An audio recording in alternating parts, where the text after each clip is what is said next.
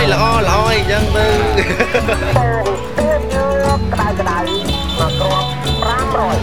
Het is ochtend in het avondland. Een podcast van Chris Janssens. Aflevering 4. Hoogmoed en verval aan de zee. Een plek die zonder meer teloorgang uitademt is Sihanoukville in het zuiden. Ooit was het een onbenullig slaapstadje aan de zee, gebouwd rond een centraal plein met een leeuwenstandbeeld. Tot de Chinezen ontdekten dat de haven van Sihanoukville een perfecte tussenstop is op hun weg naar Europa, langs de nieuwe zijderoute. Ze hebben in snel tempo gronden opgekocht om er casino's en protserige goktempels te bouwen.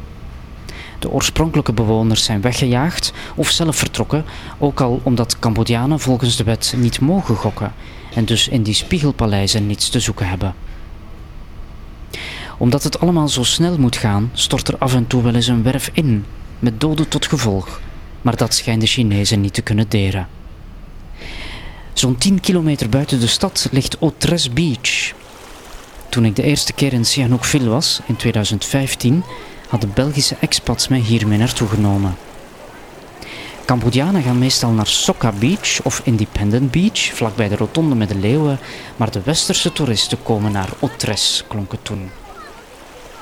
Het werd inderdaad een heel fijn weekend aan de zee. De golf van Thailand, zoals de zee daar heet, heeft weinig getijden. Je kan met je strandstoel op twee stappen van het water je glas wijn leeg drinken. Of heerlijke vers gebarbecuede pijlinktvisjes eten. Ons eenvoudig gastenverblijf stond langs een zandweg, waar af en toe koeien moesten oversteken. De strandbaars waren uit bamboehout. Het had allemaal iets heel authentieks. Drie jaar later, in september 2018, ga ik er opnieuw naartoe. De bamboeconstructies en de zandweg zijn er nog. De koeien ook. Maar de plek ligt er verlaten bij. Parasols zijn omgewaaid, strandstoelen liggen te rotten in het water.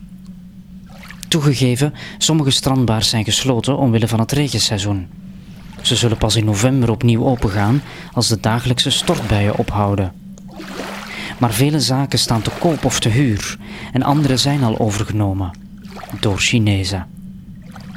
Wie nog naar Sihanoukville gaat, rijdt zo snel mogelijk door naar de pier om de boot te nemen naar een van de paradijselijke eilanden voor de kust.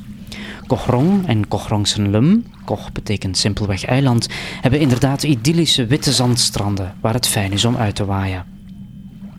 Maar die ongelooflijke transformatie van de stad fascineert mij en ik neem me voor om minstens één keer per jaar naar Sihanoukville te gaan om de verwoesting te bekijken.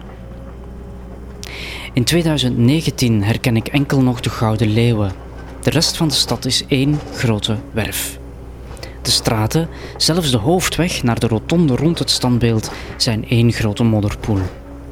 Het heeft geen zin om ze opnieuw aan te leggen, want ze zouden toch binnen de kortste keren weer stuk gereden worden door de vrachtwagens en de zware machines die af en aan rijden. Het is opnieuw september en dus regenseizoen, maar niemand schijnt gedacht te hebben aan fatsoenlijke riolering. Milieuactivisten zeggen dat het afvalwater rechtstreeks naar de zee gaat. Van zwemmers en cocktailbars is op dat moment al lang geen sprake meer.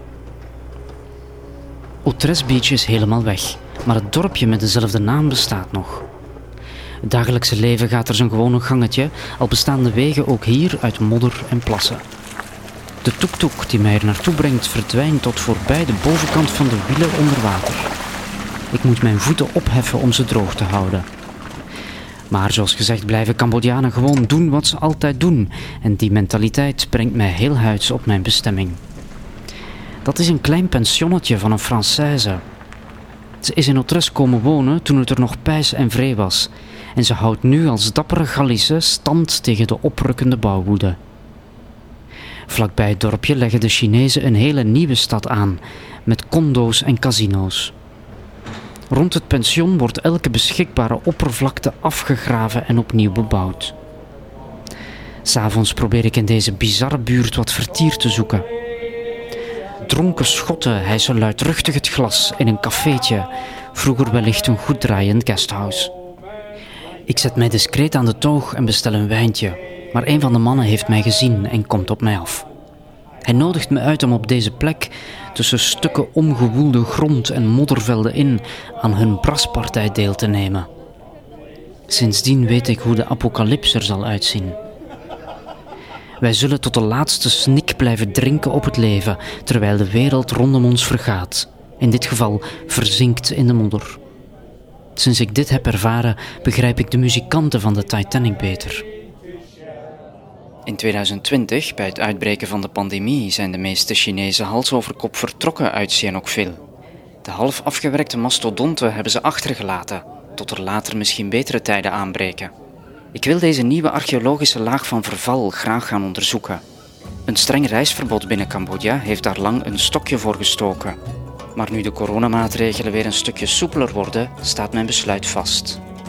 Ik ga terug naar de kust. Onze vredige haven staat voor je klaar, schrijft Manon, de Française mij. En daarmee is mijn reis naar het zuiden zo goed als geboekt.